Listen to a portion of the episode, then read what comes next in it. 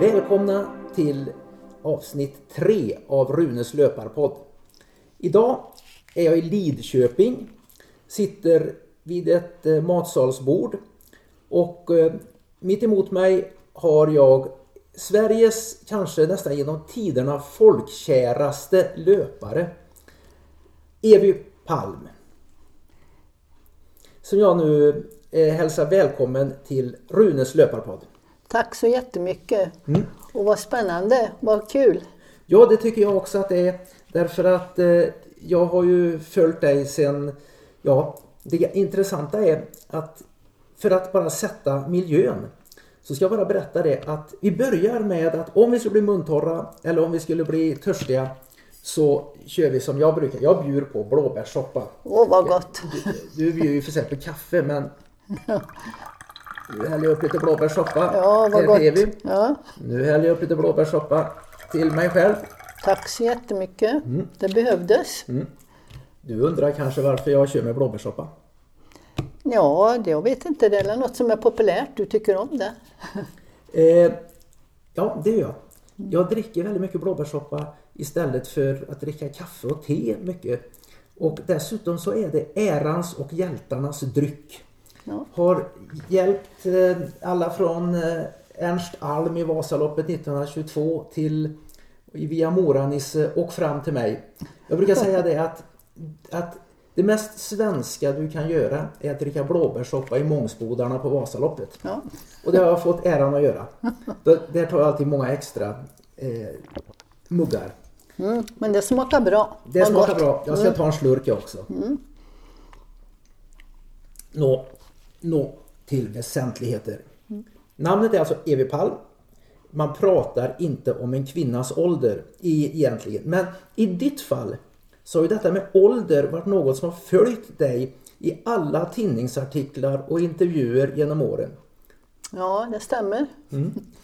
Och det finns en anledning till det. Nu, vad har du för ålder nu kan man faktiskt med och fråga. Nu är jag, 77 år. 77 år. Ja. Och jag kan ju berätta att du ser ut precis i kroppen som du gjorde när du vann Finnkampen på 10 000 1988 var det va? Ja. Nej, 85. 85 vann du Finnkampen på 10 000. Ja, jag, jag, jag, är inte mycket till statistiker. Nej, men det var eh. första gången som 10 eh, 000 var med på Finnkampen. All right. Mm. Så du har ju varit en pionjär. Du bor i Lidköping alltså. Jag har redan berättat att jag är där. Mm. Och uh, hur länge har du bott i Lidköping? Alla mina år. Alla dina år? Ja. Alla 77? Alla, alla 77. och jag skulle inte vilja flytta. Nej, du tror sjuttsingen det. Det är ju en av Sveriges bästa städer. Ja, det tycker jag med. ja. Nåväl. Eh, och du är... Civilståndet är? Fru. Fru? ja. Fru Palm. Gift med? Ulf Palm. Ulf Palm. Mm. Och... Sen många år tillbaka. Vi var, vi var 19 år när vi gifte oss. 19? Mm. Ja, då har du... Sjuttsingen, det blir... Ni firar ju snart 60 år då va? Ja, det blir det kanske. Ja, mm. det, det, är, det, är, inte dåligt. Det är inte många som får det. Jag vet gamle stålfarfar, Gustav Håkansson hette han va? Som cyklade genom Sverige på en vanlig cykel, vanlig cykel på det här Sverigeloppet. Han och hans fru hade visst något Guinness-rekord i att vara de som varit gifta längst. Ja, ja, alltså, ja. Du har ju satt så många rekord så att du kanske kör, tar det också. Ja, det är ingen som vet. Nåväl, mm. för att ta detta med att ålder är någonting som har följt dig i alla tidningsintervjuer och kanske en, en av flera orsaker till varför du blev kanske Sveriges folkkäraste löpare någonsin. Så Eh, kan du väl berätta hur, var, varför, varför tror du att ålder har följt dig i alla intervjuer? För att det kanske inte var vanligt att någon börjat ja, löpträna vid 34 års ålder. För det gjorde jag och en väninna. Vi fick ju för oss att vi skulle åka upp till Råda där vi har våra motionsspår och så springa två och en halv kilometer. Och det gjorde vi. Vi började i augusti månad och sen sprang vi. Vi kunde även bara plocka lite svamp och sånt också under de här passen där. Och, sen, och det, så höll vi på tills eh, vintern kom. Och sen var det inget mer utan då gjorde vi de aktiviteter, Ulf och jag, med barnen. Lite ja, vanlig skidåkning och så här då. Och sen till, på vårkanten så ja, då tog vi våra cyklar igen och cyklade upp till Råda. Och sen fick jag se i vår tidning, Lidköpingstidningen, att det skulle bli kommunmästerskap. Och för damer då, eller tjejer, så var sträckan två kilometer. Och då så sa jag till Ulf att det kan ju jag vara med i, på, för att jag springer ju två och en halv när vi är ute. Så jag anmälde mig och när det var dags då den här dagen så tog jag cykel och cyklade upp till Råda igen. Och då visade det sig att i min grupp där var det ett antal tjejer från högstadiet. Och så var det jag och kanske någon, någon annan tjej som var, ja, i alla fall inte i min ålder utan mycket yngre. Då. Så att, eh, och I och med att jag var ut, sprang några dagar i veckan då så kanske det var det som gjorde att jag vann det här loppet. Och det gjorde liksom att, oj, jag kanske kan börja tävla också. Ja, och du hade ju faktiskt, eh, och det är ganska kuriosa här va. Du var ju inte osnabb om man säger så när du själv var på högstadiet. Nej, i 12-13 års åldern så var jag alltid med och sprang eh, 60 meter i skolan. Och det var jag, då gick jag läroverket och så var det en tjej från folkskolan som i regel vann. Mm. Och Ja, det, det var en början där. Det sägs att du har kvar Lidköpingsrekordet på 60 meter för, det, för 12-åriga tjejer än idag. Ja, det vet jag inte. Nej, det var någon som sa det. Det kan ja, tänkas. Det har ännu inte överträffats. Ja, så du var ju snabb. 8-8 tror jag jag gjorde. 8-8. Du var ju snabb som en dragster. Jag gjorde 11 blankt jag i den åldern. Jaså? Ja, det var lite skillnad då. Ämne för en ultradistansare. Ja. Det blev min räddning. Det var kul. Ja. ja. Och sen fortsatte det. Ja, men jag förstod ju att jag behövde springa lite längre sträcka då så då började jag springa 5 kilometer upp i spåret där då. Och 7 kilometer kom jag upp till eh, på sommaren där. För jag tänkte att jag kunde vara med på Rådalunken som vi fortfarande har i Råda då. Och, man, och det är en, en mil då för tjejer då, varje dag. Nu får tjejer även springa lika långt som killarna gör om de vill. Feminismen gör framsteg. Ja, den gör nog det. Nej, och sen så att när det var dags för Rådalunken då så hade jag inte sprungit så långt som en mil utan jag var uppe i sju kilometer då. Men det funkar bra. Jag blev tvåa. En yngre tjej från Skövde blev etta. Mm. Och sen då under den vintern, för Ulf han spelade fortfarande fotboll då, så följde han med mig ut på kvällen då, på kvällarna då. Så, och då sprang vi ungefär en 10-12 kilometer. För att då kom liksom de där tankarna in att jag kan vara med och tävla. Ja. Så att den, den kom ju liksom. Du vet, eh, och det kommer kanske du ihåg, men vet, min far Lasse Larsson född mm. 1921. Mm. Eh, han var ju en hyfsad veteranlöpare. Ja, det vet så jag. Han, 1982 så åkte han med och mamma, min mor följde med då på, som liksom åskådare en bussresa till veteran-EM i Strasbourg. Ja. Och där var en veteranlöpare med som hette Evy Palm. Ja. Och det var du. Det var jag med ja. och, och det intressanta är att, att du var med på ett veteran-EM. Men då hade du ännu inte debuterat i landslaget. Nej, det hade jag nog inte gjort. Nej, det tror jag inte du hade gjort. Vad, vad jag vet. Nej, vad jag, nej, 83 var jag ju med i landslaget på Maran. Och innan dess hade... Nej, det stämmer. Så du. Sen går det ju en otroligt eh, vacker historia om dig när du skulle vara med i vad det filmkamp första gången. Ja. Och alla som kom nya in i landslaget, de skulle presentera sig. Mm, stämmer. Och, och, då vill jag höra direkt från hon som är första källan. Hur presenterar du dig för de andra tjejerna där i landslaget? Jag talar om att, eh, ja, vad jag jobbar med, för jag jobbar i skolbespisningen då, var eh, chef kan vi säga i Stenportskolan. Och sen så talade jag om att vi har två döttrar, sa jag, och de är i eran ålder. för det var så för Annika, när de hade hunnit bli 19 och 21 år tror jag då. Och, och det, då blev det ett skratt alltså. Det, Ja, det- blev riktigt skratt. Det undrar man ju inte på. Ja, Så. Och sen det roligaste var, tyckte jag, att jag var den äldste i, i, i, ja, i, i vad, vad, Truppen. I truppen, ja. Och Patrik Sjöberg, han var yngst, han var 16 år och jag var 40, vad var jag, 41 år var jag väl va? Då. 83 var det väl 41? Ja, det stämmer. Ja, det, det, det är ibland absolut... Det måste, det, det måste ju bli ett sånt där, eh, ett sånt där citat som be, bevaras i evärdeliga tider i friidrottssverige. Ja, och jag är barnbespisningstant och sen har jag två döttrar och de är i eran ålder. Ja, det, blev, det blev ett skratt för de hade inte räknat med det. Och jag vet inte om de visste hur pass gammal jag var då heller, det vet Nej. inte jag. Nej, det, det är helt fantastiskt. Eh, Du är alltså barnbespisningstant.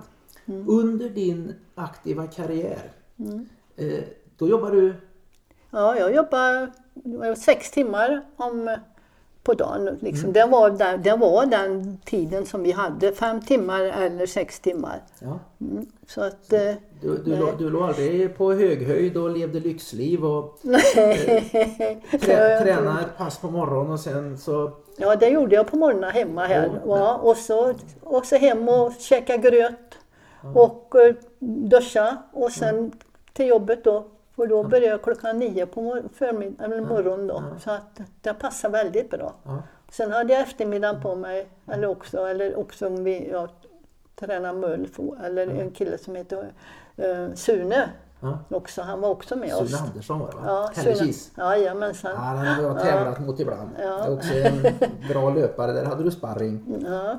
Ja, men, men alltså jag menar att du låg ju inte på höghöjd i Davos eller i Kenya eller något sånt där och Nej. bara slöa mellan passen. Och, Nej, herregud, det skulle inte varit något roligt alls. Nej, Nej, för jag älskar mitt jobb. Vi hade så himla kul på, i vårt jobb alltså. Och så trevliga ungar hade vi med. Så att, eh, nej, det hade, nej. Och när jag hade varit ute och tävlat så frågade de alltid på måndagen, hur gick det? Och det gick bra, jag vann. Ja. Så sa jag då, ja, vad fick du för pris då? Ja, så sa jag det. Och sen var det inget mer. Nej. Nej. Ja, eh, och sen, men när du tränar då? Mm. Eh, Du måste ju ha trappat upp din träning. Du måste ju ha gjort någonting rätt. Eh, Ja. Hur trappade du upp den ifrån, säg från veteran-EM 1982 i Strasbourg när du var, du var 40 år och var var med på ditt första internationella mästerskap som veteranlöpare. Nej, jag, men jag fick ju kontakt med LES i Lidköping då, där, när det var, var, det var, mm, ja vad var det, det, eh, se, det var, mm, ja, det var DM i terräng i Åda, fyra kilometer. Ja. Och det var ju året efter som jag började springa då. Först sprang jag Kinnekulle-loppet det året ja, och sen så var det DM. Och då frågade jag Ellie därifrån om jag fick bli med i klubben. Och då kom det en kille fram som heter Håkan Palm. Han var inte släkt med mig, han var un- ungdomstränare. Och frågade om jag ville ha hjälp med träningen. Och jag blev jätteglad. Så Håkan han skrev träningsprogram och jag ja, bara var ute. Jag var ute själv då liksom och sprang då. Och följde programmet och jag kunde, jag, det gick bra varje gång och jag klarade av vad som stod i programmet så det var ju så jätteroligt. Ja, och du klarade dig från skador och allt möjligt. Ja, det, det har jag gjort faktiskt. Och sen eh, när du då, nu snackar vi mitten på 80-talet då. Du berättade ju då att du sprang 10 000 i Finnkampen 1985. 85. Ja. Och så resten av din karriär. Hur, hur tränar du då? Jo, jag tränar ju 80, 83, till och med 83 fick jag hjälp av Håkan. Och men sen hade han inte, han hade inte tid. För han jobbar ju uppe i Kiruna också då. På något läger eller vad det nu var. Jag vet inte. Så att eh, då, men då hade jag lärt mig liksom det och jag gjorde det så som Håkan hade lärt ja, pass så. Fast att i och med att det blev maraton också då så, så blev det ju lite längre sträckor. Men du hade ju ingen, du hade ingen tränare efter att eh, Nej. Håkan... Nej, jag klarade det själv. Det var inte så märkvärdigt, tyckte inte jag. Liksom, I Nej. alla fall. Nej, så jag ökade på de sträckorna som jag tyckte jag behövde öka på då och så.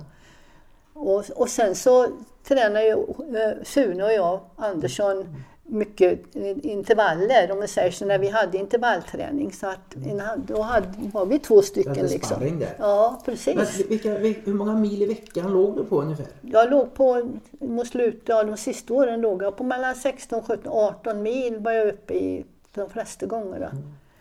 Och jag jobbade ju hela min tid och, och det var ett morgonpass då, så var det eftermiddagen då, och så var det, det var två stycken det, av pass på under veckan då, som var ett var nej, snabbdistanspass och så ett var intervallpass då. Så det funkar väldigt alltså bra. distans däremellan. Ja, så distans. Vad låg du på för tempo när du sprang dina distanspass? Ja, du låg omkring fyra minuter på kilometern gjorde vi. Du sprang så fort när du sprang vanlig distans. Ja, fast att inte på när vi sprang tremilspass eller alltså 25 kilometers pass, då sprang jag inte, då var det inte, utan då var det mera lugnt liksom. Så att, om man summerar då, så att du, när du sprang vanliga distanspass, Mm. då låg du alltså och dammade runt fyra minuter per kilometer. Ja, det, eller lite, lite över kanske det var också, det vet jag inte. Det är väldigt intressant. Och man ska lära sig någonting av dig för att bevisligen har du gjort mycket som var rätt. Du trappade upp din träning eh, tack vare de här träningsprogrammen från Håkan Palm. Då, va? Som jag förresten också tävlade med på 70-talet. Jag tror nästan vi är jämngamla. Eller ja. Ja, kan nog tänkas. och, och, och sen så när du började träna själv då, då, då kör du ungefär 16, 17, 18 mil i veckan. Ett intervallpass, ett snabbdistanspass. Kanske, kör- hur ofta kör du med långpassen då? Det var varje lördag sprang vi långpass, t- tre mil då. Och sen så kunde jag springa på måndagen 25 kilometer på eft- eftermiddagen efter jobbet då. Och ja, så, och sen så kunde det vara, vad kunde jag springa mer? Jag sprang 18 någon dag, kilometer. Så att det var, jag sprang mycket långa, långa pass som man säger så. Och ändå många av dem då, fast kanske inte tre milarna, 25 kilometerna i så här, fyra minuters tempo. Nej, och inte 18 heller kanske. Jag, du vet, jag hade inte sådär jättekoll med klocka och det, utan jag sprang så jag tyckte det kändes bra. Ja, åh gud, Ja. här har vi en som vilken, vilken, här har vi en som springer mycket. Det anser jag att de springer för lite distans idag, Mm. löparna. Och en som eh, springer på känsla. Ja. Det, det, det, jag vågar påstå att det är, måste ha bidragit till att du har gjort någonting rätt. Men sen så började du på med, med eh, eh, att tävla och det gick ju bara bättre och bättre. Ja, jag gjorde mina bästa tider när jag var 46 år. Då, då gjorde jag mina rekordtider både på maran och halvmaran. Och, och 10 000 var nog lite, det var, var nog lite senare som jag gjorde min bästa tid där på 10 000 10 000. ja, meter. Och hur fort sprang du det? Eh, 32 och 32 och... Ja, jag har kollat upp det där. Har du gjort det? Vad bra. Eh, Jag har nog på ett papper här men... du, du finns på Wikipedia. Jaha. Finns man på Wikipedia så existerar man i världen. Så att det, det är ett tecken på att man har levt. Ja, och, bra. kanske förhoppningsvis fortfarande lever. Nej, det står så här att du gjorde 32 och 34 på 10 000. Jaha. Och det stod som svenskt rekord väldigt länge. Ja, det kanske det gjorde. Många år. Det var först när Isabella Andersson Ja, eller Midde. Midde, kanske Midde, var. Midde ja. var det nog. Ja. Midde, Midde hon, eh, hon var ju också fantastisk på Ja. 10 000. ja, hon var duktig. Hon var ju, hon var ju bäst egentligen på 10 000. M- Än mer än vad hon var på en halvmara och likaså och maraton. För hon har inte det. Jag har ju ett lägre steg och hon har det här lite, ja, lyftet Ja. på, i, på, i fötterna. Så att det var lite olika. Så är det 1985. Mm. Och det är första gången det är 10 000 meter i finkampen. Ja, Och du ska vara med där. ja det var stort. Det var, Ja, det och var nervöst. din, din tredje finkamp eller? Nej, det var, jag hade inte varit med på någon finkamp för tidigare. Okej. Nej, jag hade inte fått varit med på 3000 som jag sprang tidigare. Och sen 5000 vet jag inte, det var jag heller inte med. Nej. Nej, Men då är frågan. hur- Vad, vad var det gick i Helsingfors eller Stockholm? Stockholm. Stockholm. Ja. Stadion. Var den tiden var det många som gick och tittade på finkamp. Ja, ja, det var stort. Det var, det var riktigt stort. Ja. Och jag såg det loppet på TV. Gjorde du det? Ja, det var ett sånt där lopp där det knottras på huden de sista 30-40 sekunderna. Och det, kan du berätta lite om det? Ja, vi, eh, när det, klockan ringde på sista varvet då låg det en liten finska, jag hade aldrig sett henne förut i Finland, som varit med där. Så hon låg först och hade, ja, var nästan på halva långsidan när jag stack iväg och, för, för, ja, och försökte komma ifrån den finskan som jag hade intill mig då. Och eh, det gick bra. Och jag, jag hade krafter så jag kunde få, ja, springa ordentligt. Liksom. Sen när jag kommer ner till, ja, till den, eh, hennes sista kurvan, om jag säger så, då får jag se att då ligger finskan bara ja, utgången på andra kurvdelen, om jag säger så. Och, och jag har ju alltid haft en liten spurt Låg hon före dig då? alltså? Ja, de låg och före mig där. Och jag har ju haft en spurt, så när jag kom upp till den kurvan där så började jag öka min fart för då var det upploppet hela vägen sen då. Och, så jag, ja, jag passerade henne. På henne- upploppsrakan? ja, eller han, efter ja, halva loppet drygt bara, bara då. Halva upploppet. Ja, ja, precis så kan vi säga. Hur, hur lät det på stadion då? Du, jag hörde det inte. Jag hörde det inte. Du, jag, var så, jag var så fokuserad. Men jag fick ju höra att efter det- detta bruset, när jag väl kom in precis in i mål, eller innanför där, då hörde jag.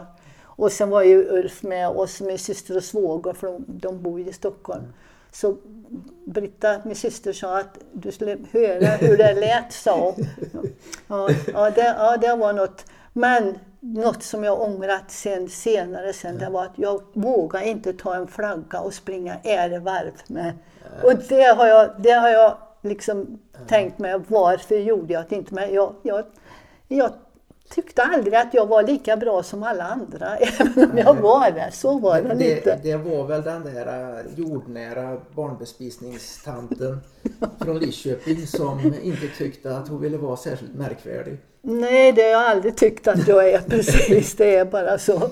Nej. Det var intressant. Alla hörde stadionjublet utom du. Ja, jag, nej, du, det hörde inte. Nej. Men du har sett loppet i efterhand? Ja, o ja, det har jag gjort. Och vi har, har, jag, har ju på, men nu är, kan jag ju inte använda de där grejerna som en hade förut. Utan men att, Det måste du föra över. Det, det Ja, var- visst, det går att föra det var, över. Det var för, Ja. jag, jag minns att jag tittade på det och det var liksom att eh, jag har ju aldrig känt mig mer engagerad i ett finkampslopp än det i alla fall. För man visste ju precis vem man ville skulle vinna. ja, jo det är klart. Och, och, och just sättet du vann på att eh, Ja, det är just det. Det var ju också så himla kul. finkamp är finkamp och finkamp var kanske till och med ännu mer finkamp då, Då, än vad det är ja, nu. ja, jag tror det också. Jag tror att ja. många som tittar på friidrott idag som inte var med på den tiden. De förstår inte hur liksom stort, stor arenafriidrotten var på den tiden. Det var ju, Nej, och jag vet ju då när en satt och väntade på finkampen eller när finkampen skulle gå innan en var med i det här då så var det ju finkampen en ville titta på på TVn då när det var dags för det. Så det ja, det var, det var fantastiskt det där. ja, ja. Eh, och, eh, men sen så ha- har du varit Tjejmilen. Mm. Tjejmilen har ju på något sätt, och du har ju levt i ett slags symbiotiskt förhållande. När var, alltså, Det var 84, då ringde Anders Olsson och han skickade faktiskt ett brev ja, till mig. För vi hade husvagn på den tiden så vi var ute uppe i Edsviken.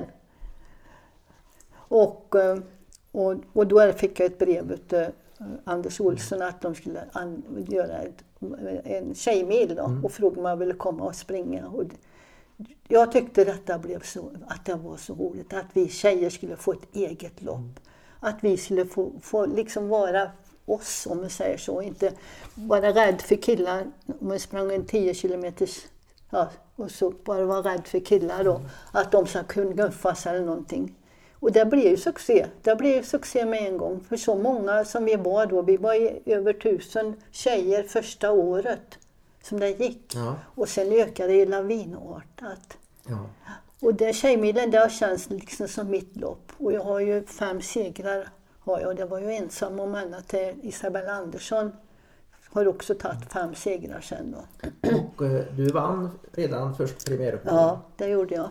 Och sen var det, det är rätt kul. Eh, Du, I och med att du då var gammal redan när du slog igenom. Du, du var ju 40-plussare rätt så rejält när du hade mest. Ja. Så måste jag säga att bland det roligaste stolpskott jag har sett i, i, i svensk media. Steffo Törnqvist. Ja, du. Vad, Ja, skrev, vad var det han skrev? ja, han skrev så här att parfymdoften låg tung över gärdet. Stora massan var det inget fel på, men eliten, när Evi Palm nästan hundra kan vinna. Ja, ibland så vet en inte. Så, ja, jag, har, jag har inte brytt mig om det, men jag har heller inte skrattat. Jag har lett, men många har skrattat när de har hört när jag Förlåt berättat. mig om jag ja, skrattar. Ja, men Jag- en del de grät för de tyckte det var så fult. Jag kan bara skratta åt det.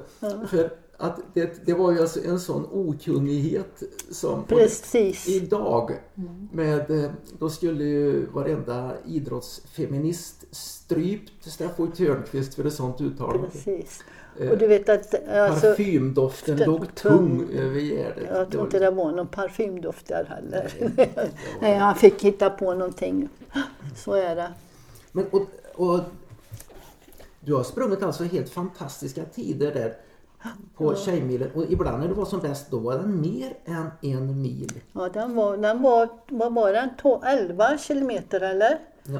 eller Jag har hört ja. att den var så t- och 10,5 eller något Ja, sånt det, där. ja, det kan tänkas. Det kan det vara. och de, de tiderna du gjorde då, eh, de... eh, De står sig än idag. Ja, Det gör de faktiskt. Och det, nu har jag, har jag ju varit uppe och tittat många gånger då och då, det var ju inte mer än kanske en tre, fyra, tre, fyra år sedan kanske då. Som, ja, för att jag sprang, jag sprang ju eh, 30 gånger. Och- 30 tjejmilar? Ja, 30 tje- tjejmilar. Men då slutade jag liksom tävla.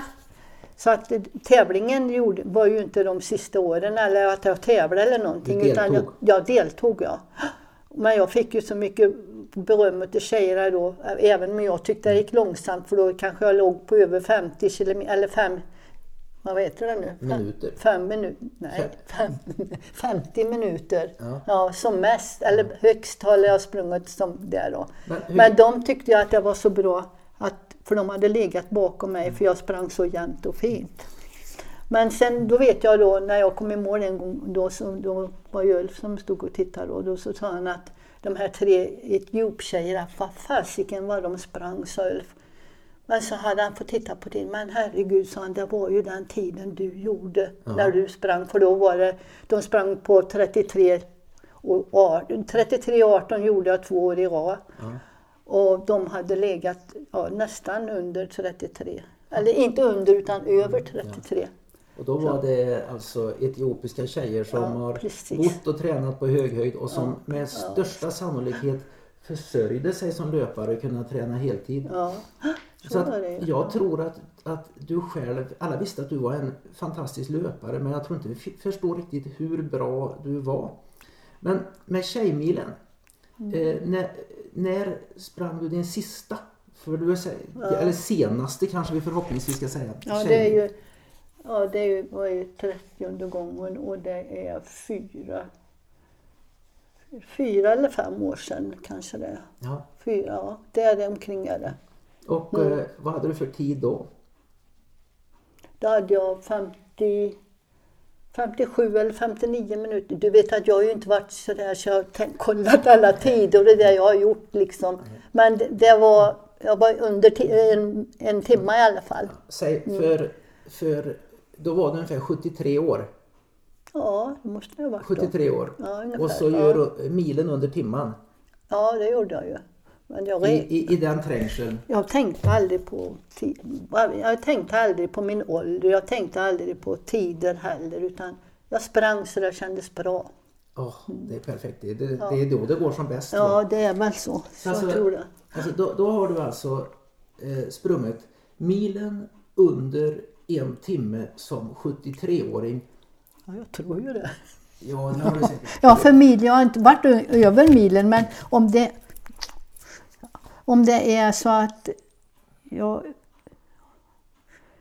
om det är mer än fyra år sedan jag slutade springa Tjejmilen, eller om det är det eller inte, eller om det är ett år senare. Jag, jag är inte himla s- Du säker är på ingen statistikbitare, den saken är Nej, klar. långt ifrån. långt ifrån. Ja. Ja, det, eh, men jag hävdar, och det är jag helt säkert inte ensam om, att din betydelse för svensk kvinnolöpning kan aldrig överskattas. För det exempel du satte på tjejmilar framförallt eh, kan aldrig överskattas. Eh, det kommer alltså den här barnbespisningstanten, inte någon sån här eh, tjej med, du sprang aldrig med solglasögon och tights och såna här saker eller och såg häftig ut. Nej, fast solglasögon kunde jag ju ha om det var solen sken eller om det Ja. var riktigt... Ja. Ja. det, så det behövdes ju kanske då. Ja. Ja. Och bar midja.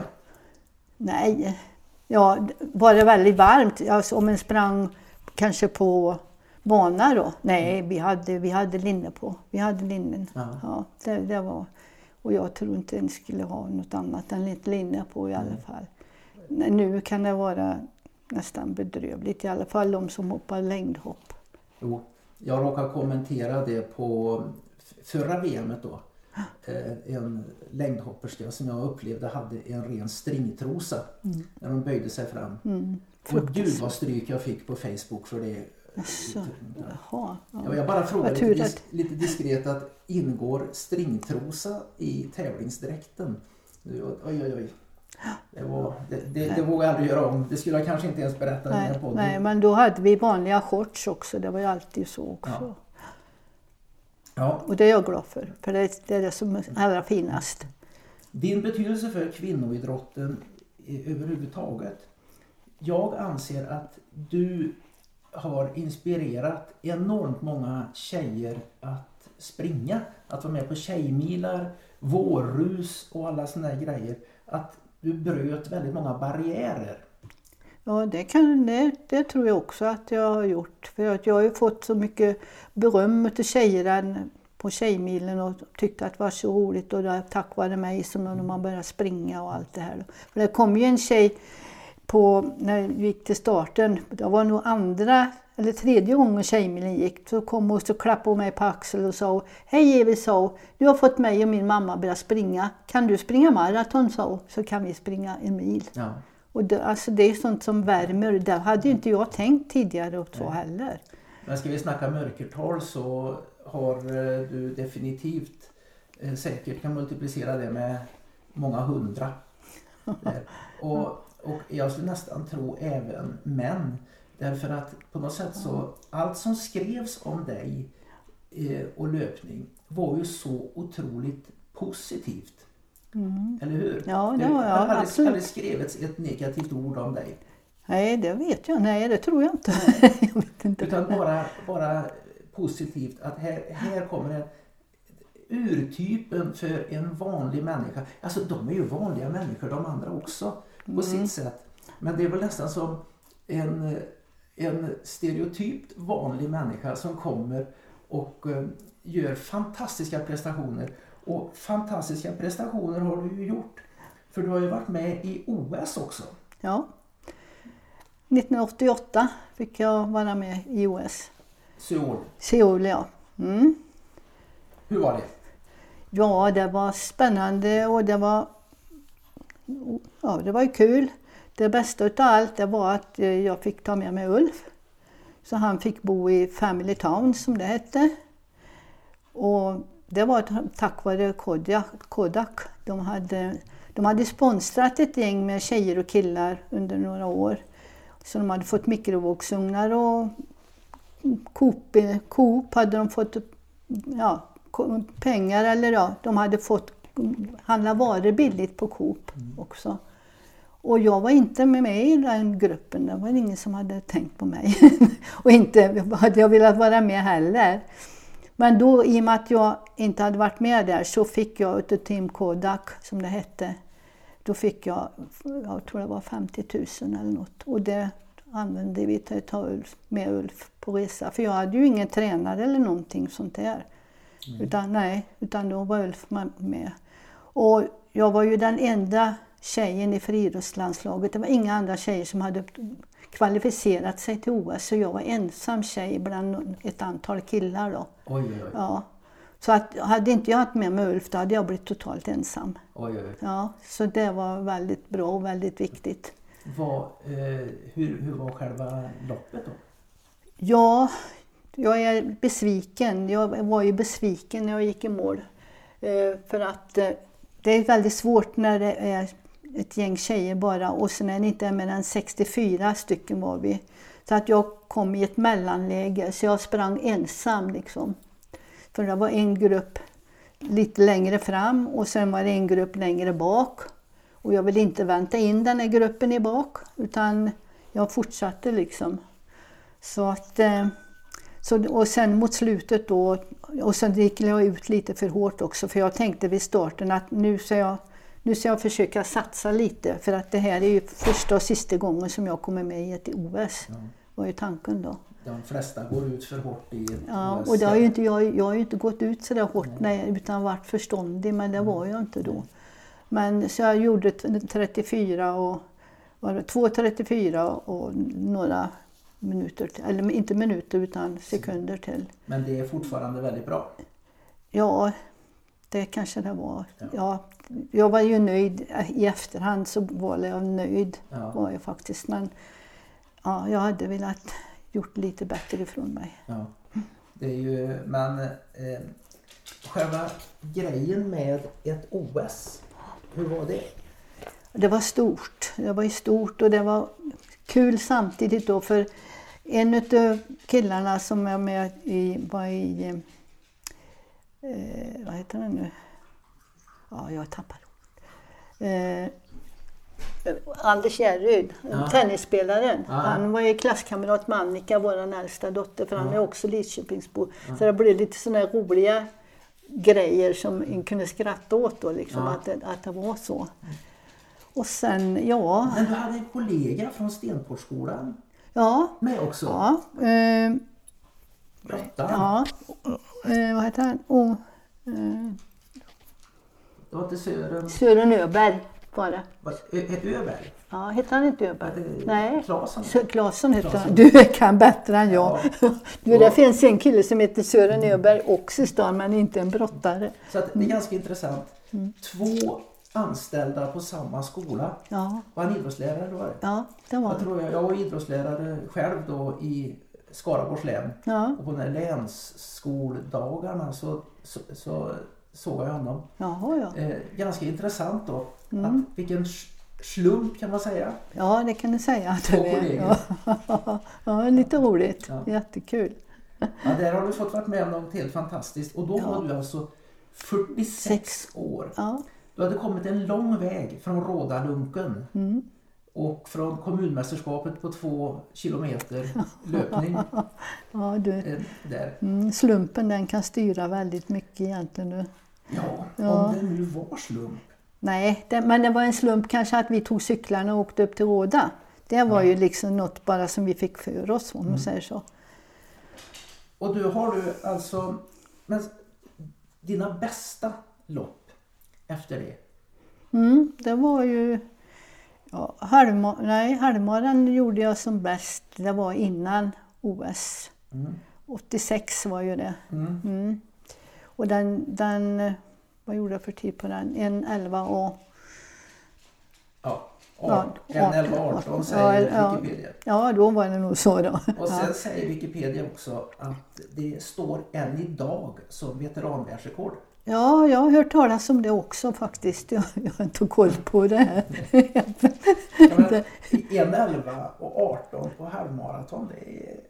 Ja, och du vet, jag, jag gjorde mina bästa tider när jag var 46 och 47 och 48 år där. För jag 49 tror jag. För att jag, mitt pers på maran är ju så att jag 89 ja. 89? Ja, i London. Då var du 47. Mm. Kommer du ihåg det, den tiden då? Ja. två, tre, två, 31, 2.31 31.05 05, det stämmer ja, också. Precis. och för, för, för, året innan så gjorde jag 2.31.35 va? Mm. Det är därför som... Ja. Det, det, det loppet, alltså att som 47-åring springa maran på 2.31.05 det har ju haft en ganska intressant eh, fått en, en, ganska intressant följdverkning. Jaha. Och du vet precis vad jag pratar om för det har jag berättat för dig. Men jag säger Runners World USA. Jaha, ja. Amerikan jag får la berätta Jaha. det för att du skulle aldrig skryta själv. Nej, jag vet inte. Nej, jag säger, va? Amerikanska upplagan av tidningen Runners World som ju är världens, det är ju, det är ju så världens löpartidning. Mm. Eh, eh, de gjorde en eh, analys av löparprestationer där de tog in parametrarna även kön och ålder. Och då fann de att etta av alla dem det var portugisen Carlos Lopez som vid 37 års ålder sprang maraton på 2.07. Eh, Oj, ja. sånt där. Mm. Mm. Eh, det var etta. Tvåa Evi Palm Sverige. De hade ju aldrig träffat dig va? men de hade ju skannat igenom alla möjliga resultat och statistik. Eh, och då hade de sett, och du var alltså den, du hade, dina 2.31.05 vid 47 års ålder rankades då som den näst bästa löparprestationen någonsin av någon om man tog med det faktum att du var kvinna och 47 år. Otroligt roligt. Det är stort, det är stort alltså. Ja, jo, så visst. högt upp har väl knappast någon svensk varit på en sån ranking. Ja. det. Och just detta med att du var så bra i den åldern. Det får jag påstå att har också varit en grej, förutom att det har gjort dig mm. väldigt folkkär och populär. Så jag påstår det att du dina prestationer har brutit mentala barriärer. Som en isbrytare, en Oden ungefär. för, för inte så länge sedan, då var kvinnan det svaga könet. Mm. De fick ju inte springa längre än 800 meter. Det, det, är bara en generation tillbaka. Ja, det är helt tokigt. Ja, för att den, eh, kvinnor tålde inte mer. Kvinnor skulle palla inte för längre än 800 meter. Det var för, för ansträngande, för krävande. De skulle hålla på med så lätta grejer, föda barn och sådana saker. Du vet. Var det så lätt? du... ja. Eh, ironi och sarkasmer eh, ska jag kanske inte ägna mig åt men, men jag har alltid tänkt på det. Va? Ja. Sjutton, kan de föda barn då kan de springa hur långt som Precis. helst. Jag kan berätta som ett stickspår. Ja. Eh, Spartatlon, det här 246 kilometers loppet. Det är mm. mellan Aten och Sparta. Mm. Eh, det är ju det, det finaste av de långa ultraloppen. Det är ju, det är ju liksom loppet. Och min fru mm. Mary, hon har ju sprungit det 12 gånger. Och varit på prispallen tio gånger. Och haft banrekord och allt möjligt. Det loppet älskar vi bägge. Ja. Det, men det är samtidigt det hårdaste loppet som jag någonsin har kommit i kontakt med. Det är så otroligt krävande. Mm. För det är så pass kort så man måste springa i bra fart. Och så pass långt så man blir jättetrött. Och så hade hon fött sitt första barn, Isak. Oj då. 1992. Och Isak ligger där på hennes mage. Navelsträngen fortfarande liksom oklippt. Och hon ligger och flämtar där. Och jag står en till. Och då tittar hon på mig, vänder eh, huvudet snett åt höger. får syn på mig i ögonvrån, hugger mig i kragen och drar ner mig och så väser hon. En sak ska du veta, det här var jobbigare än Spartatlon. och sen höll hon kvar och så tittade hon på Isak och sa hon, jag vill ha en till. ja, det var väl ett stickspår av privata slaget. Eh, jag kommer nästan inte ihåg. Jo, men alltså. Det är klart att det var jobbigt. Men eh, jag sprang ju tjejer 246 kilometer. Men sen så, sen så och då, då var det liksom en, en, det var ju som en sensation. Jag kommer ihåg när första tjejen sprang maraton under tre timmar. Det var liksom wow, kan tjejer springa så fort? Och sen att en tjej, kvinna över 40 år överhuvudtaget sprang. Men nu är det säkert många 40-åringar tror jag som springer nu. Och Så att, var, varför det då tror du? ja, det kanske är för de har märkt att jag kunde. Just det. det jag märkte. Och du fick det att se roligt ut. Och du fick det att verka roligt. Och då ville de också prova. Så att där har du det. Jag skulle påstå att du har brutit väldigt många mentala barriärer åt folk. Och det kanske de inte är medvetna om. De barriärerna är brutna och eh, de som nu betraktar 40-45-åriga kvinnor som satsar på löpning till exempel och som springer fort. Eh, de vet kanske inte hur den ment- mentala barriären bröts och vem som bröt den. Jo, jag har föreläst ju mycket. Mm. Och en rubrik jag har ibland det är Vad hade hänt om en Evi Palm-människa Du var ju för ung då. Du var ju bara 15 år 1957. Men om du hade sprungit maraton på om en, om en kvinna sprungit maraton på 2.57 eller nej, förlåt mig 2.31.05 1957. Ja, Vad hade hänt? Vad tror du hade hänt?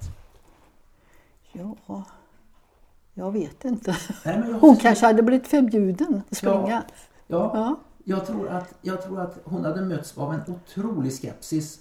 Det hade blivit konspirationsteorier som det Ja. ofta blir.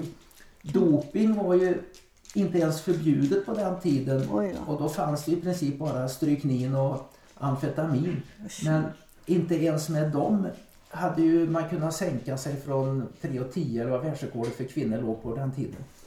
Så att det hade helt enkelt varit ungefär som när eh, min mor, Maj-Lis Larsson som du Ja. kände, Ja, ja.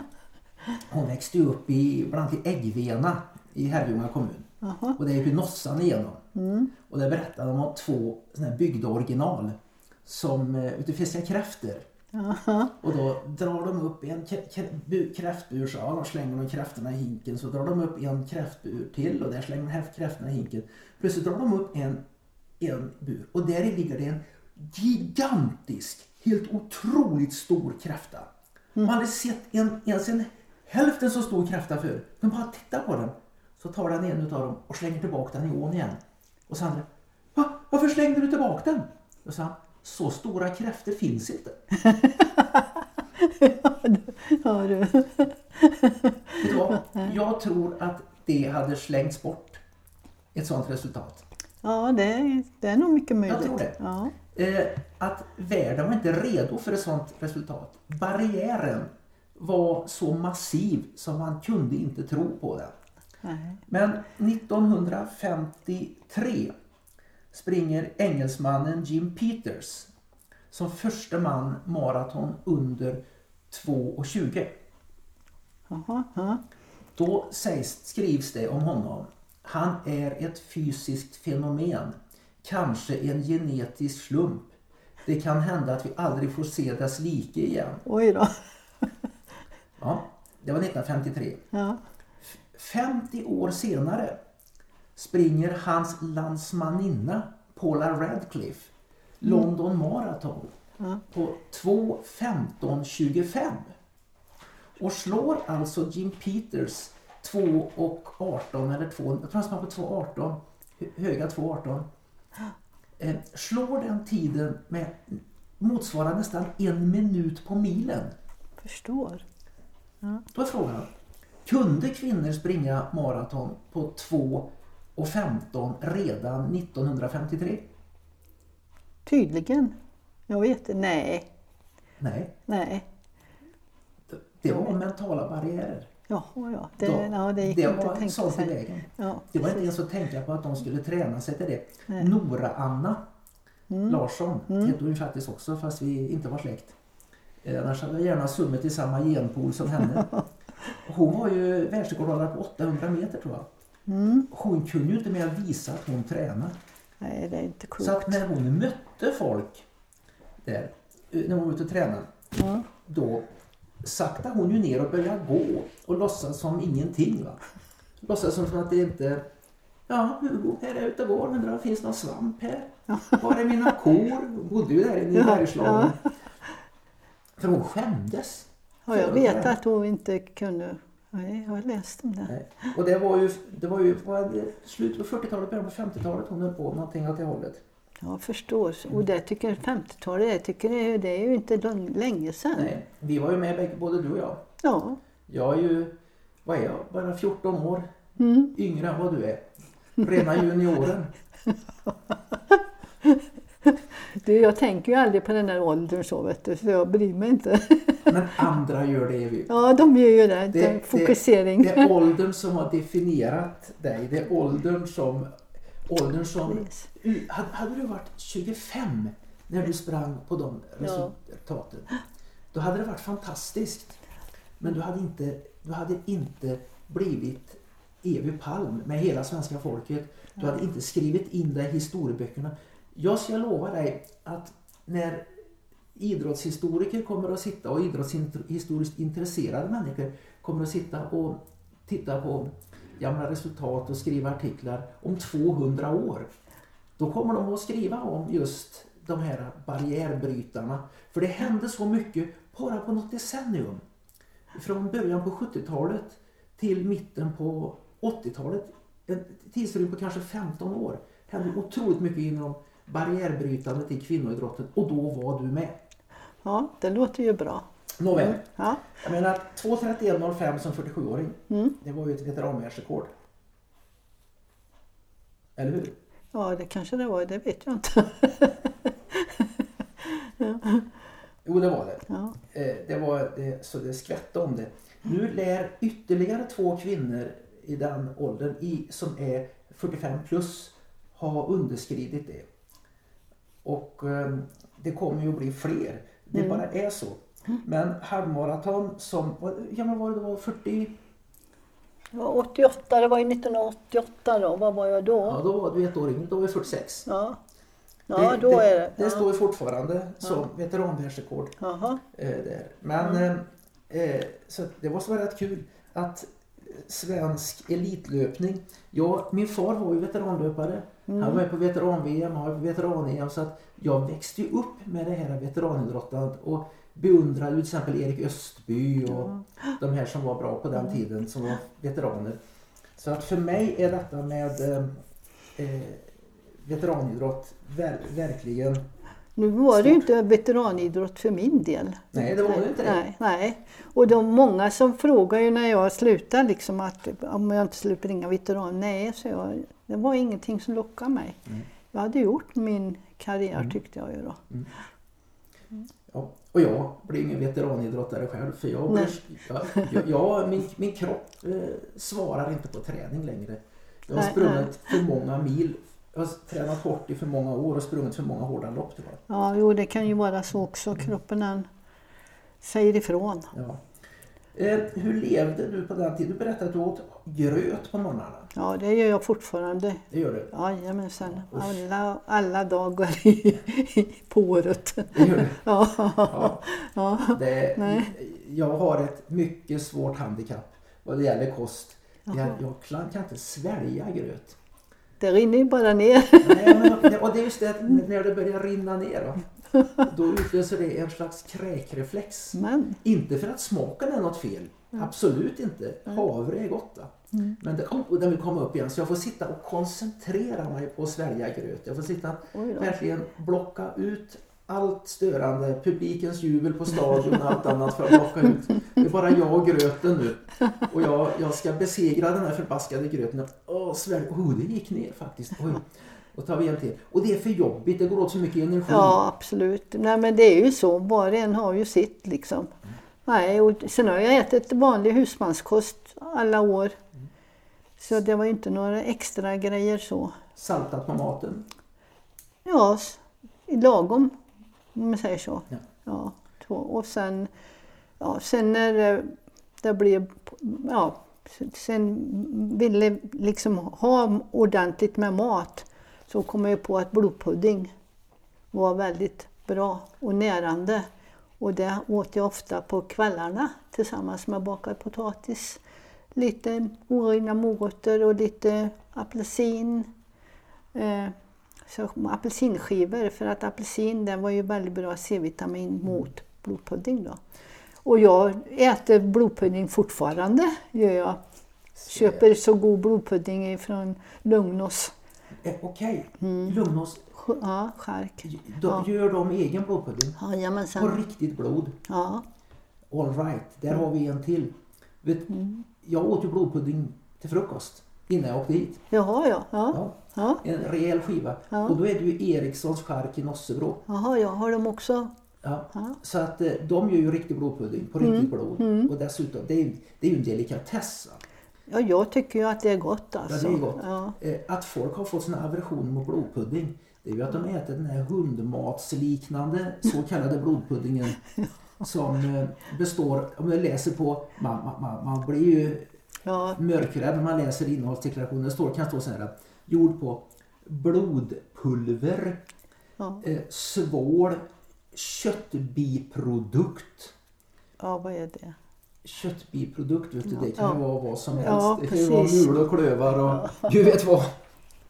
Nej, Ja, bind, det är väl ja. bindväv och senor och såna grejer de Ja. ner. Men eh, så att, Mm. ja, och, och då tycker de att usch för blodpudding, det är verkligt. De har aldrig ätit den här riktigt fina. Och, och jag har åkt runt i Sverige. Jag Mm. intresserar mig för blodpudding. Mm. Jag vet några ställen där de har riktig blodpudding. Erikssons i Nossebro. Mm. Eh, det, I min värld, det är ju, det är ju min leverantör. Ja. De är ju, det är ju så värld, världsklass. Det, är- Ja, det är okej. gourmet. Eh, per i Viken nere i Skåne där. Jaha. Det var ett Höganäs där nere i trakten. De har också riktig blodpudding har jag hört. Ja. Och sen är det Lugnås då. Lugnås. Det ligger strax hitom Mariestad. Ja, visst, då kör man ju igenom på E20. Ja, Kanske skulle de har, ja, och väldigt le, fin leverkorv och Ja. där gör de själva sånt också. Och sen var det faktiskt en stycke upp i Norrland, norra Norrland, i Norrbotten där. De Jaha. sålde i någon affär i Luleå såg jag. Jag bara gick in och Ja. gick jag föreläste, kollade på innehållsdeklarationer. Oj, kolla här! Blodpudding gjort på blod och Jaha. inte frystorkat Nej, blodpulver. nej, nej. Men Det- ja. där har vi en grej Evy. Som skulle få sprutt på väldigt många tjejer och få dem att hålla mer. Tjejer i fertil ålder de Mm. blir, och som tränar hårt. De blir ofta av med mensen. Eller hur? ja. Magra och dana blir. Magra och danna, blodbrist och gud vet vad. Och käka blodpudding. Mm, ja, det behövs ju. Det, Det är, ju- behövs. Det är ju, ja, det är ju, för jag upptäckte ju liksom att jag kände mig stark Mm. när jag åt det. Och det är så här att FE2 plus är ju den jonen då, järn, som eh, binder till, hemoglobin, till Mm. eh, ja, hemoglobinet, till röda blodkropparna. Mm. Eh, som vanligt kemiskt FE2 plus det nästan allra mesta går rakt genom kroppen. Och svårt, många får svårt att ta upp det. Men Mm. om, blod, om järn är bundet till blodprotein, tjofs, då tas det upp. Mycket, mycket effektivare. Jaha. Så där har du en grej. Ja, ja. Oslagbart. Mm. Men nu ska ju alla vara vegetarianer och veganer så att eh, det kan bli svårt att ja du, det är farligt. Alltså det är otroligt. Ja. Ja. Men hur som helst, eh, vanlig mat. Vanlig mat, ja. Kost, kostchefen på skolan äter vanlig mat. Ja. Inga excesser. Nej, mamma var ju, all, var ju hemma, vi var ju fem syskon så att vi fick ju alltid lagad riktig mat. Och förr då var det ju inte ja, med lite fisk med ströbröd på eller ja, sån här i frys, frysdiskar utan det var ju, det var ju riktig fisk som hon köpte på torget och rensade och, ja, och så gjorde jag när våra barn gick, var små. Ja. Jag själv åt så proteinfattig mat. Eh, Det var bröd och var det milda margarin. Vi hade det inte så fett. Nej, Eh, nej. Och, och sen var det kaviar. om man inte såg margarinet genom kaviaren, då har man brett för tjockt. Va? Ja, Men vi fick också margarin vad jag vet. Ja. Men hur som helst. Nu är det frågan då. då jo, en grej måste vi ta med också. Du eh, har ju varit med på Mästarnas Mästare. Ja. Det måste du berätta om. Ja, det är också otroligt roligt. Och då var jag nere i Portugal när jag fick en telefon och hade ätit lunch precis. Och eh, det ringer en tjej och säger att hon heter Åsa och undrar om jag ville vara med på Mästarnas Mästare. Och då hade det ju gått det här två eller tre gånger tror jag. Ja, Mästarnas Mästare, nej, sa jag, det kan jag inte, säga.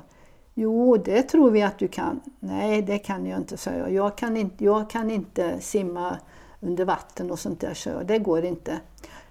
Ja, men att du sa och jag ringer till dig när du kommer hem från Portugal. Ja, men jag sa bara det i 14 dagar till. Ja, men det gör inget, så. Ja. Och sen, precis när jag hade lagt på luren så smsade jag till yngsta dottern då, hon var ju två pojkar. Viktor han gick i nian då och Tim han gick i gymnasiet. Och så talade jag om för henne, bara skrev, jag har fått förfrågan om Mästarnas Mästare. Och det tog inte mer än drygt en minut så bara, du måste ställa upp. Tim och Viktor säger att du måste. Ja. och den, nej, sa jag bara. Och sen så var det inget mer då. Och sen ringde Åsa när vi kom hem. Och så frågade om jag hade funderat. Nej, sa jag, det går inte, sa jag till Åsa. Det går inte. Jag kan inte vara med på detta. Jo, men vi tror det. Nej, sa jag, det kan jag inte för jag kan inte vara under vatten. Och förresten, sa jag, vilka är det som ska vara med? Och så fick jag ju veta då, det var Ingmar Stenmark och det var Bill, Billan Westin och det var hon, fotbollstjejen. Jag har dem allihopa här. Ja, och, nej, så jag, det går inte. Och jag kommer ju bara, jag är ju äldst som jag sa. Ingmar Stenmark var ju härnäst äldst men han är ju duktig han. Så jag sa nej, sa jag, det går nog inte. Ja, men jag ger mig inte så. Du får, jag ringer igen så, så får vi se om inte du har ändrat dig. Så ringde hon den andra gången. Nej, sa jag till Åsa, det går inte, sa jag. Jag kan inte, jag, nej, det går inte, sa jag, för jag klarar inte det där, sa jag. Ja men snälla Evi, varför så? Varför, varför, varför? Nej men, jag, nej, det, det, nej, det går inte. Jo, men varför? Ja men, då får jag säga ja då. ja, ja, köta. ja. Och det är klart att alltså, när, eh, när, vid midsommar då, då talade de om i, i tidningarna vilka som skulle vara med och jag tyckte det kändes hemskt alltså. Men jag tänkte jag måste göra något mer än bara springa.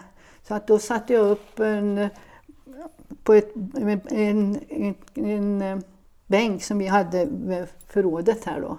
Och så med en, en pyts liksom, en hård, som jag ställde mig på, så balansera. Mm. Bara för att jag skulle få balans och sånt då. För att det tänkte jag att det behöver jag ju ha. Detta är 2011. Var det det? Ja, det var Vill jag minnas. Ja, det var det. Det var det året jag missade för då sprang jag ju själv från Portugal. Jaha, ja visst ja, det gjorde du. Ja. Eh, och 2011 eh, var du 69 ja, i år alltså. Ja, jag var, ja, jag var 68 när vi spelade in ja. och 69 när det sändes. Ja, det. Så var det. Mm. Och, och, sen så ställ, och sen så ställde jag mig och så kastade en boll på förrådsväggen för att jag visste ju att det var med korvbollar. Mm. Och sen så gjorde jag lite sit-ups på, in, på golvet hemma för jag tänkte jag måste ju vara lite stark med. Mm. Så där höll jag på till nästan till det var dags att åka då. Och det var ju samma dag som Tjejmilen skulle gå. Så den fick jag missa då. Men jag ringde till Anders Olsson först och talade om detta mm. för honom. För jag visste inte, så jag verkligen missa Tjejmilen? Men då så sa Anders Olsson till mig att du Evi, sa han, Tjejmilen finns nästa år också. Ja. Så du, du, och det är inte säkert att du får förfrågan nästa år. Så då förstod jag ju att jag hade gjort rätt. Och då förstår vi att Tjejmilen är stort. Ja, det är det. Absolut är det det. Ja. Nej, och sen, ja, sen så for vi iväg. Vi fick träffas eh, på, på Landvetter, nej inte Landvetter, men i Arlanda. dagen innan på eftermiddagen och så var det ja, press och grejer som skulle prata och höra vad vi trodde att vad vi kunde göra och allt vad det var där då. Men att, och sen så åkte vi iväg och, och först då fick vi middag då på kvällen där då. Och ing, alla var blyga och bara inte ville, vi pratade inte med varandra. och sen så fick vi mat och då så då frågade de vad vi ville ha att dricka och alla skulle ha Loka då. Ja. Men är det ingen som vill ha lite vin då, sa för att vi har tagit vin här för att eh, vi har fisk också, sa och lax bara. Jo, jo tack, sa allihopa då. Sen blev det lite gladare stämning då på den stunden som vi var där då. Och sen var det ju dags då, klockan sex på morgonen tror jag vi fick åka iväg då till, till um, Cypern som det var då. Vi landade i Paso. Och där anslöt eh, Kenny Bräck och Marianne Berglund, för de kom ju från USA och eh, London då. Mm. Och sen var det buss iväg då dit vi skulle bo. Och sen dagen efter så var det dags för första tävlingen redan med en gång. Och jag har ju alltid, ja, som jag säger, äter, äter jag alltid hus, eller havregrynsgröt på morgonen. Så att jag gjorde mig i ordning havregrynsgröt och då kom Ingmar Stenmark, du räcker det till mig med. Ja. Alla de andra de åt yoghurt vad det var. Så det, det, så där blev det så att vi åt havregrynsgröt. Och sen var det ju dags klockan nio att åka iväg i en buss då. Och jag visste ju att jag klarade ju inte, eller jag tyckte ju inte om med vatten då, men och sen när jag kommer fram första dagen då, där då, och så fick jag se de där stängerna i vattnet. Så jag behöver göra detta. Första, första grejen på detta, hur ska det gå? ja, du. Men sen, och sen fick vi åka ut i trampbilar och så fick vi kliva upp i de här stängerna och så fick vi bara de tala om hur vi fick hur vi fick stå ja, och vad vi inte fick göra. Och sen fick vi gå ner igen och sen fick vi åka tillbaka upp igen. Då. Eller ja, med de där båtarna då så fick vi klättra upp då. Och då tänkte jag bara så här, nu bryr jag mig inte om någonting. Jag bryr mig inte om någonting. Nu brunnar jag och så tar jag, bara njuter i solen. Så tänkte jag. Mm. Jag hängde, hängde, häng, började hänga där då. Och sen jag tyckte jag, vi hade bara hunnit att komma i och börja hänga bara så hör jag hur det plaskar. Så tänkte jag det är något som är fel här bort här nu. Nej, så jag tittade ju inte upp. Och Robert Prytz var i, intill mig. Mm. Och, men så får jag höra hur han börjar stunka och stöna där mm. intill sig, men jag tittade inte på Och sen bara jag hörde hur det plaskade till, så då släppte han. Och, men jag tittade fortfarande inte, utan sen bara jag hörde hur det plaskade hela tiden då, så tänkte jag att att nej, jag, jag hänger kvar och så, bara, så lyssnar jag, så bara jag ja, blundar.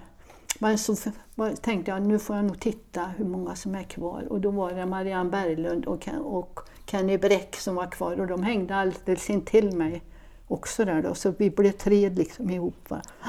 Så började, blundade jag igen då och sen så hörde jag hur de började plaska också då. Marianne Berglund stannade kvar i vattnet och ja, jag klättrade upp på de där, där som vi skulle stod då. Och så ropade jag och frågade, får jag klättra ner nu? Ja. Nej, sa de. De stod allihopa inne på kanten. Ja. Vet du, där. Då var bara du kvar då? Ja, var bara jag kvar där. nej, sa de. Det var ledningen som ja. sa, nej, du måste, du måste klättra, du måste, vad heter det? Släppa, sa de. Och då så sa Marianne, hon var kvar i vattnet, och då ropade och sa, Evi, klättra, nu, äh, släpp nu, kom ner nu. Nej, jag vågar inte, sa jag. Hängde kvar? ja, hängde jag kvar. Så hade jag ju, och jag hängde då liksom riktigt då igen då. ja. Men Evi sa, jag räknar till tre och då vet du att du måste, du måste hoppa ner, så. Och då, då släppte jag liksom, så då hoppade jag ner. Va? Och, men jag, alltså när jag kom upp i vattnet, jag var liksom så bara. Och det var lite otäckt för det var mycket sten under som de hade lagt säckväv över. Ja. Så det var lite otrevligt då. Men känslan när jag började simma in mot stranden, alltså det var, det var toppen för mig. Var det och, första eventet? Ja, det var första grejen förstår du. Wow, vilken ja. bra start. ja. Men sen hängde du kvar i flera... Ja, jag var, ja och, och jag gjorde, vad heter det här, hängde inte bara kvar i stången, du hängde kvar i tävlingen. Ja, det. Och så likaså det andra, det som jag gjorde det andra, det var ju när jag, när jag satt, vad heter det? När sitter, 90 grader. Ja, precis det här, de kallar det för någonting. Den sitter med ja. ryggen upp. En del kallar det jägarvila. Jä, ja, jägarställning, så kallar de det för det då. Och det var ju trea då. Och mm. Det tror jag var större bedrift än det andra var mm. för att eh, för Ingmar Stenmark och, och vad heter hon, hon som eh, var fotbollsspelartjejen. Mm. De var ju de som hade fått göra detta jättemycket sa de i sina ja. idrotter och jag hade ju aldrig gjort det här då. Nej. Och de blev ju etta och tvåa där då, så ja. var jag trea då. Ja. Och det tror jag att det var nog det, det var nog bättre det. Ja, för att, att, jag, att jag klarade mig så när jag hängde, det var ju att jag var ju den som vägde minst. Ja. Det, och de, de som var tjocka, de, eller hade mycket muskler, det var ju de som bara rasade. Men eh, nej, så det tror jag. Och sen, sen så, jag skulle väl ha varit kvar ännu längre sen för jag visste ju att det var grejer som jag skulle klarat av. Men killar kom ju då första dagen då och frågade om vi skulle göra så att den som kommer sist, att den tar ut den som är, ligger härnäst sist. Mm. Och vi hade Marianne Berglund, vet du. Mm. Och hon var ju helt, nej inte Marianne Berglund utan, vad heter hon? hon Roddartjejen. Ja, Maria Brandin. hon, hon var ju helt fantastisk för att hon var, hon var ju inte bra på någonting om man säger där ute så då. Utan, men hon var bra på att vara snabb liksom. Nattduellen. Ja, nattduellen. Hon slog ut allihopa. Ja. så de blev ju tre kvar bara. Mm. Så att därför så, och, så, men jag tänkte att har vi bestämt att det ska vara så, då får det ju vara så. För jag mm. visste ju när jag skulle gå i duell med Maria att det klarade inte jag men jag tänkte jag måste ju försöka i alla fall. Det var ädelt av dig. Ja, precis. Om jag skulle varit med i Mästarnas Mästare, vilket aldrig kommer att ske eftersom jag aldrig varit mästare, Nej. Så vore det här elgrejen, elchocken, det skulle jag nog vara det som skulle säga att, att ehm, skulle det vara värst. Ja, jag skulle inte ja. öva på det innan jag talade om det. Nej, men du, jag, när jag, om jag, för jag visste ju att om jag skulle komma med i den, så det var ju, då fick vi, vi fick ju ordna liksom, ja. och så var ju nätet över liksom. Ja. Och du vet att i och med att jag var, var så liten och så, då hade jag ju klarat det hur lätt som helst. För det såg jag nästan fram emot, men jag hann ju inte vara med på det. Nej. Nej. Men hur många omgångar var det du var med?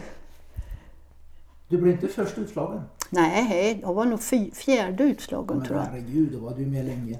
Ja, länge och länge. Jag ville hellre varit med ännu längre. Ja, jag ville inte det. Men, ett enkelt liv har du levt. Eh, men sponsring. Du hade en skosponsor. Ja, jag var, Nike har jag haft. Och både kläder och skor. Hur, hur länge hade du dem? De hade jag till eh, Kjell-Erik Ståhl och jag, vi fick inte ha kvar vårat. Och det var ju, det var ju när jag var i Portugal och jobbade, vad kunde det ha varit, en åtta, nio år sedan kanske. Då var det en ny tjej som kom till, till Nike då. Och så tyckte inte att det var någon idé att satsa på gamla löpare. Men Oj. det gjorde ingenting, Nej. jag hade ju kläder och allt. Det gjorde ja. mig inget. Så det gjorde ingenting alltså. Nej. Är alltså två ikoner Kjell-Erik Ståhl och eh, eh, Kjell-Erik Ståhl och eh, Evi Palm. Och så eh, tar, de, eh, tar de bort dem. För ni, håller, ni kommer ju alltid att förbli ikoniska svenska löpare. Det är ju, de, det är, ja. det är du och Kjell-Erik Ståhl. Ja, ni definierar ju nästan svensk maratonlöpning under 80-talet. Ja, även om det, det fanns många fler. Det fanns ju Tommy Persson och det fanns ja, ju... Men, men eh, på något sätt kommer ni att definiera och Mm. Än idag lev, är, är ju ni levande legender. Och ja. må ni vara det länge än. Och nu är du pensionär. Hur är livet som pensionär? Jo, det är bra. Det, är, det flyter på. Men nu har jag varit pensionär ett tag. Ja. Ja, sen 65. 64 var jag nog. När du gick i pension? Ja. ja. Då tog jag ett sånt där, kunde ta något eh, ja, något år som en kunde vara utan sitt jobb och Ja. så släppa in någon annan. Ja. Och det, så gjorde jag för jag hade ju aldrig tagit ledigt så om jag säger så. Och jag, det var inga, ja, jag fick ledigt, ja, kommun de betalade min, min, när jag åkte till OS så Mm. fick jag min lön. Det, det var ju bra och den var ju inte så himla stor heller den där lönen. heller. Ha, hade du barnbarn när du tävlade i OS och sånt? Nej, det hade jag inte. Annika var med Emil 88 och han är född 89. Ja, Ja. Så det hade vi inte. det var kul annars. Ja. Min, min mormor springer i maraton i OS. ja. det hade varit lite roligt. Det hade, det hade på något sätt varit väldigt Evy. Ja du, Evy Palm. Det har varit helt fantastiskt att prata med dig. Eh, Det har varit roligt för mig med att få t- tänka på gamla minnen och sånt här också. jag tittar ju på dina... Du har ju inte vräkt upp mycket priser här i ditt hem. Jag har sett ett antal fina pokaler och utmärkelser du har fått. Och du har ju säkert rönt uppskattning från vida kretsar. Jag hoppas att de har förstått att uppskatta dig. Ja, jag förstod nog detta nu då i, i höstas då när jag var i Portugal och fick en, en förfrågan om jag ville komma och vara med på friidrottens eh, ja, när de delade ut sina priser på hösten då, eller ja, det var gala då, kallar de det för då. I fjol höstas. Ja, nu, ja, ja, ja för hösten då. Och jag visste inte att de hade något sånt, så jag blev jätteglad. Ja, för det frågade om jag ville komma för de ville ge mig ett pris. Så var det. Och, så att jag, jag åkte dit då i november då. Och, alltså, ja, det, var helt, det var helt fantastiskt. Och jag, jag ska hämta någonting och visa för dig som jag fick. Så du ser, den ligger här. Ja, så.